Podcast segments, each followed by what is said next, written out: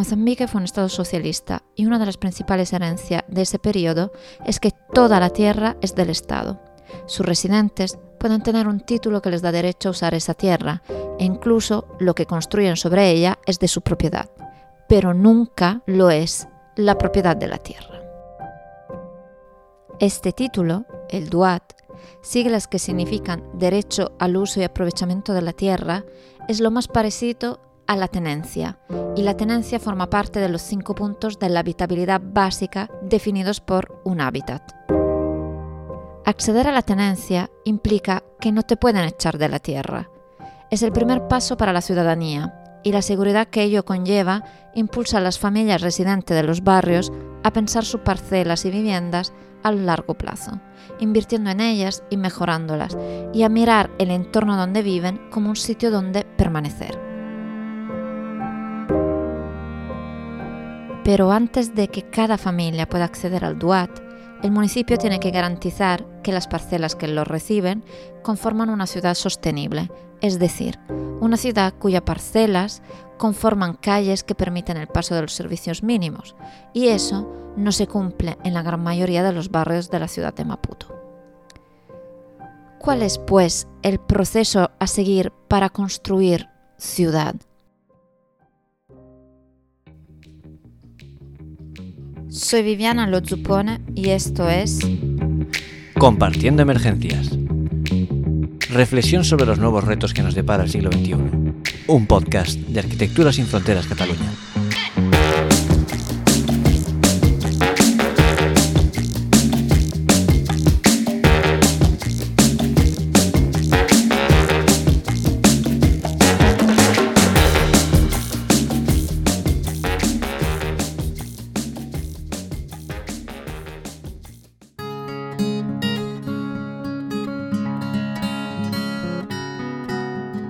Hoy hablaremos sobre el hábitat en Maputo con Sara Márquez Martín, coordinadora de SF en Maputo, y Fausia Mucabele, técnica social del proyecto de defensa del derecho al acceso a la ciudad a través del reordenamiento urbano participativo y al acceso al título del DUAT en asentamientos informales de Maputo, financiado por Ayuntamiento de Barcelona, el Ayuntamiento de Pamplona, Cooperación Italiana, la Fundación Celavip y Water and Sanitation for the Urban Poor. Desde la independencia de Mozambique en 1975, Maputo se ha desarrollado en un centro urbano reconocido con el nombre de Cidadi y un área periférica reconocida académica y técnicamente como área periurbana o BAEGOS por la población. Sara, ¿de dónde viene y qué comporta esta división? La separación ciudad formal y ciudad informal supone el proceso histórico universal de la construcción urbana. Se trata del debate eterno sobre cómo hacer la ciudad. La clave entre lo formal y lo formal es que existe una escala de grises. En Maputo, eh, uno de los eh, criterios urbanos de diferenciarlo es si un área está planificada o no y si un área está estructurada o no estructurada. Planificado cuando hay un plan detrás y estructurado cuando de forma espontánea o no se construye eh, más o menos en una malla ortogonal. En el caso de Maputo, esta separación conlleva además cargas clasistas y racistas. Por ejemplo, durante la época colonial, en las áreas periurbanas o informales no estaba permitido la construcción con materiales duraderos. Podías estar ahí, pero no podías permanecer ahí. Paradójicamente, los barrios se han invisibilizado a la hora de diseñar la ciudad a lo largo de la historia, a pesar de que están habitados principalmente por las personas que trabajan en la ciudad formal. En Maputo, la principal problemática tiene que ver con la escala. Alrededor del 30% de la ciudad es considerada formal, frente al 70% en superficie. ¿Qué quiere decir? Que solamente el 30% de la ciudad está planificada y estructurada y el resto hay una parte planificada, hay otra parte no planificada, hay otra parte estructurada, hay otra parte no estructurada y hay una amalgama urbana de difícil gestión. Porque las leyes solo están pensadas para la ciudad formal, no para esa escala de grises. La clave está en que se diseña, construye, mejora y gestiona de forma diferente cada tipo de ciudad. En Maputo, como en muchísimas otras ciudades, las ordenanzas y sistemas de gestión urbana se centran en la ciudad formal, dejando un vacío legal y de gestión al 70% del resto de la ciudad. En los barrios formales las construcciones son regulares y existe acceso a la mayoría de infraestructuras y servicios necesarios. En cambio, los barrios informales son caracterizados por construcciones desordenadas y precarias, donde en muchos casos no llega agua potable. En estos barrios no existe tampoco los espacios públicos de ocio y además sus calles estrechas y con falta de iluminación conllevan una gran inseguridad para sus residentes. Toda esa problemática se hace patente en Chamanculo C, uno de los asentamientos informales de Maputo, de carácter no estructurado, donde las familias han ido asentándose en los últimos 30 años. Tiene una gran densidad de 60 familias por hectárea. Algunas de sus calles llegan a tener solo 40 centímetros de ancho y se inundan en época de lluvias. Sus sistemas de saneamiento, energía y acceso al agua son precarios y no llegan a toda la población. Las parcelas de Chamanculo no cumplen los requisitos para poder acceder al título del DUAT. ¿En qué consiste el proyecto y qué se ha conseguido con él? Este proyecto plantea cómo dar respuesta a las necesidades urbanas de las personas que viven en los barrios. Lo hacemos de forma inductiva, empezando por un barrio concreto y solo por algunas manzanas de ese barrio.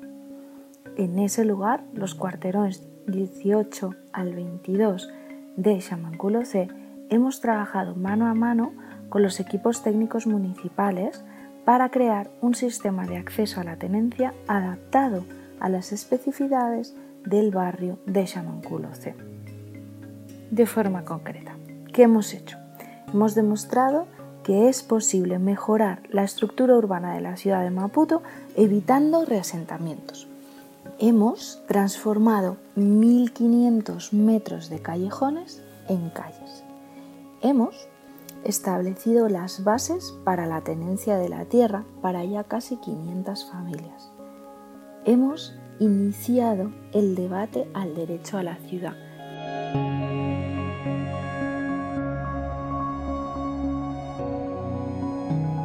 Antes de seguir, ¿podéis explicarnos qué es el derecho a la ciudad? El derecho a la ciudad es un concepto que va más allá de la palabra ciudad y de la palabra derecho. Incluye el conjunto de derechos que adquieres por vivir en un asentamiento humano, rural o urbano. En este proyecto abrazamos el concepto de derecho a la ciudad que plantea Harvey, el que no solo radica en el conjunto de beneficios como infraestructuras y servicios, sino en el que te permite a los ciudadanos y ciudadanas cambiar su ciudad. Solo puede darse en C después de que sus moradores obtengan el DUAT. O direito à cidade é a liberdade que os indivíduos têm de aceder aos recursos urbanos sem exclusão da sociedade dos benefícios da vida urbana. Portanto, refere-se a um direito coletivo e não individual, porque esta mudança depende da participação de todos. E na área periurbana, o direito à cidade é entendido como a facilidade no acesso aos serviços urbanos, uh, que tem a ver com a educação, a saúde, o saneamento melhorado, a distribuição equitativa dos recursos como água potável, a energia pública, o melhoramento das vias de acesso, a uh, existência dos espaços públicos, principalmente para crianças. No entanto, o direito à cidade na área periurbana está seriamente comprometido, porque os moradores não, não se sentem seguros nem com a posse do, do, dos seus talhões. E o projeto Habitat tem dado resposta a algumas necessidades aos municípios em relação ao direito à cidade. Volviendo al proyecto, ¿cómo se han conseguido todos los resultados que has comentado anteriormente? Una vez se han realizado cambios, y se ha sentido lo que significa el derecho a la ciudad, las personas pueden empezar a reclamarlo. ¿Cómo se han hecho estos cambios? Primer paso, construir imágenes comunes. Hay tres actores principales, la comunidad, los equipos técnicos y los equipos políticos. El único lenguaje que estos tres actores hablan es el de ver para creer. La primera imagen. Se puede transformar un callejón en calle. No son palabras, no son mapas, no son textos, no son normas, no. Es que tú ves un callejón y unos meses después ese mismo callejón se ha transformado en una calle. Luego tú ves la imagen del cambio. Y además no solo ves esa imagen, sino que si eres vecina de esa calle, dices, mi calle puede cambiar. Y la vecina de tres callejones más allá dice, es posible. Segunda imagen. Puedo acceder a la tenencia, porque en la calle que ha cambiado ya han dado los títulos de propiedad. Luego mi callejón que era igual también se puede mejorar y puedo tener acceder a la tenencia. ¿Puedes resumirnos cuál ha sido el método concreto que habéis seguido en el proyecto? Con los logros se construyen imágenes, con las imágenes se construye confianza. Y técnicamente todo esto va respaldado por un método, que es la adaptación de un eh, método ya existente municipal que no conseguía aplicarse a barrios eh, tipo Chamanculo C de alta densidad. ¿Cuál es este método? El método de seis pasos hacia la tenencia. Primer paso es un levantamiento social. ¿Quiénes somos? ¿Quiénes sois? El segundo paso es un levantamiento georreferencial de todas las parcelas. ¿Hasta dónde llega tu parcela? ¿Hasta dónde llega mi parcela? La tercera son las obras. Una vez definimos las parcelas, se negocia eh, la apertura de calles, es decir, las familias ceden y se hacen obras y además con unos márgenes temporales increíbles. Cuando dos familias acuerdan que ese es el límite y que eso es lo que ceden a la calle, en menos de tres semanas se han colocado los ladrillos para evitar ningún tipo de cambio. O sea, se materializan los acuerdos casi a tiempo real. Una vez se han hecho las obras, paso 3, pasamos al paso 4, que es el parcelamiento urbano participativo, el plano de pormenor que os mencionábamos antes. Una vez tenemos el plano y el municipio aprueba el plano, se pueden solicitar los DUATs y el municipio tiene herramientas suficientes para atribuir DUATs sabiendo que la ciudad que se va a construir es sostenible. Este método responde a la pregunta clave. Sí se puede reestructurar la ciudad participativamente y evitando resentamientos.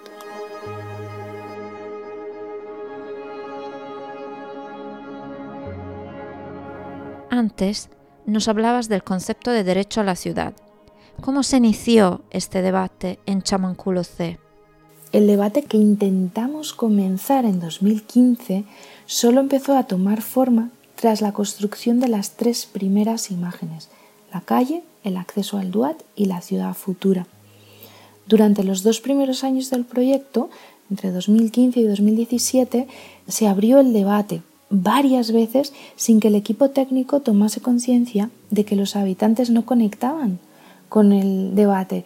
Primero no lo entendían y además, al utilizar la palabra ciudad, no conectaban con ello. Estas personas viven en el barrio porque la ciudad es el asentamiento formal.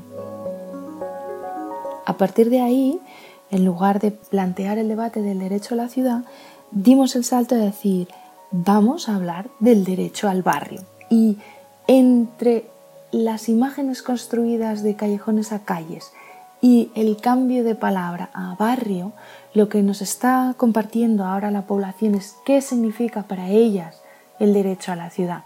Por ejemplo, ya pueden sacar sus ataúdes por la calle, porque por los callejones no cabían, o ya pueden usar el espacio público para hacer algunas celebraciones, porque antes no cabían esas celebraciones.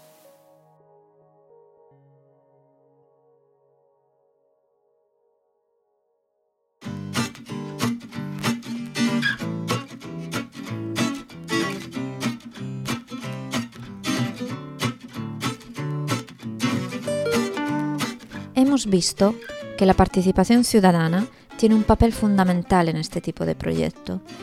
¿Qué efecto genera la participación ciudadana en la ciudadanía?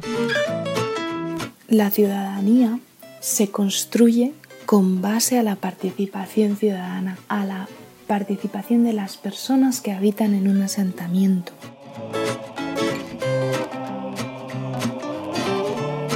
Sin la participación se establecen vínculos paternalistas entre eh, los equipos técnicos y políticos y las personas que habitan la ciudad. La participación implica un acto de responsabilidad, de, de toma de conciencia de que como sujetos de derecho tenemos que identificar nuestras necesidades y compartirlas para generar el bien común.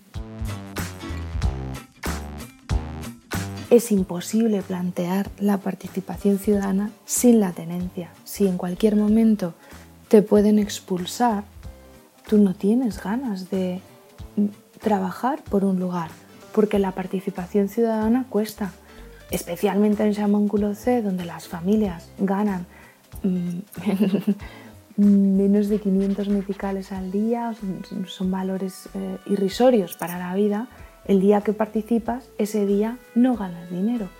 Luego, si en cualquier momento te pueden echar y el día que participas no ganas dinero, no tienes motivos para participar. Y si no ves para qué sirve participar, aún menos.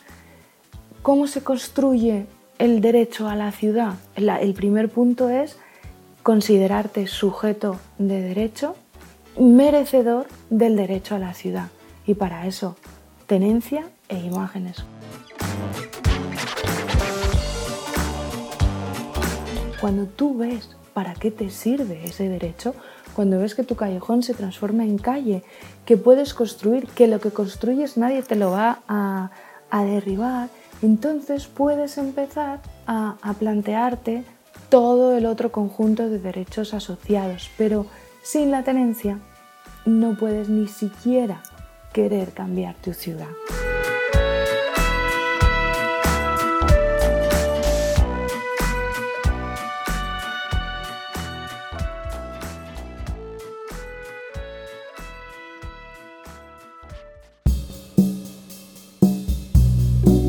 Sabiendo en qué consisten los barrios informales y teniendo en cuenta la importancia de la participación ciudadana en todo el proceso del proyecto Hábitat de ASF, ¿cómo ha afectado la emergencia sanitaria al proyecto? A situação mundial de emergência de saúde afetou negativamente o projeto, porque houve a necessidade de se reinventar para continuar com as atividades, visto que para a dinâmica das atividades depende mais da interação social e as famílias no bairro tendem a não colaborar. Entretanto, a equipe teve de paralisar as atividades de campo e dar continuidade com atividades que pudessem seguir desde casa ou escritório. Fausia, nos cuentas que la emergencia sanitaria sí que ha afectado al proyecto, sobre todo en las actividades de campo y que dependen de la participación de por lo que algunas actividades se han tenido que reinventar. Finalmente, ¿Podrías contarnos qué incidencia ha tenido el COVID en sí en los barrios informales? Esta situação tem causado grande impacto na vida das famílias nos bairros informais, na medida em que a sua maioria depende das atividades ou negócios informais, que estão sendo cancelados a fim de dar resposta à prevenção da, pandemia. Ah, algumas famílias estão passando por dificuldades porque foram reestruturados os mercados para evitar a venda de, nos passeios e reduzir assim aglomerações. Embora o número de contaminados suba a cada dia, muitos municípios na, são obrigados a, a, a, sair de casa porque para sua sobrevivência dependem do, do trabalho informal, colocando assim as suas vidas em risco. Eu, Fáuzia, como moradora de um dos assentamentos informais, que é o bairro Machaquense, tenho notado dificuldades de adaptação face à situação da pandemia, porque os municípios conseguiram cumprir com as medidas apenas nos primeiros dias, como ficar em casa, mas de algum tempo para cá a situação mudou. Muita gente na rua está a voltar. o que obriga a polícia a circular de modo a vigiar se as medidas estão sendo cumpridas ou não. Nota-se também dificuldades para aceder ao transporte, visto que muita gente teve que voltar aos seus postos de trabalho e o número de passageiros no transporte público tem que reduzir. Até aqui, algumas famílias conseguem apenas manter crianças em casa, mas não tem sido fácil, porque os pais saem para trabalhar e as crianças acabam saindo à rua. Esta situação tem causado transtorno também às mulheres que dependem de bancas de venda de produtos de primeira necessidade em suas casas, porque são obrigadas a fechar as vendas muito cedo. Situação que agrava porque os seus clientes são os mesmos que saem de manhã e muitas vezes só conseguem o dinheiro da refeição no, no fim do dia.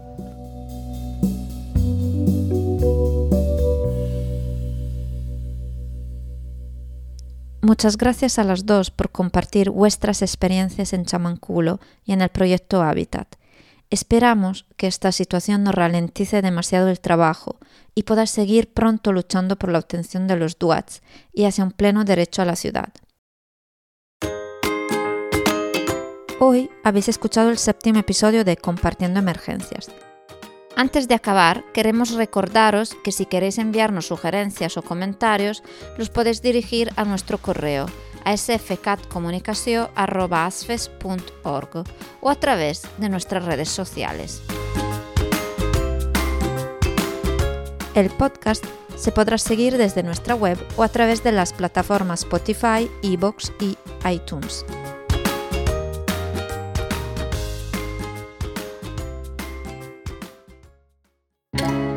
Este episodio ha sido posible gracias al trabajo del voluntariado de Arquitectura sin Fronteras Cataluña y a la colaboración de Sara Márquez y Fausia Mucavele. Gracias por escucharnos y hasta pronto.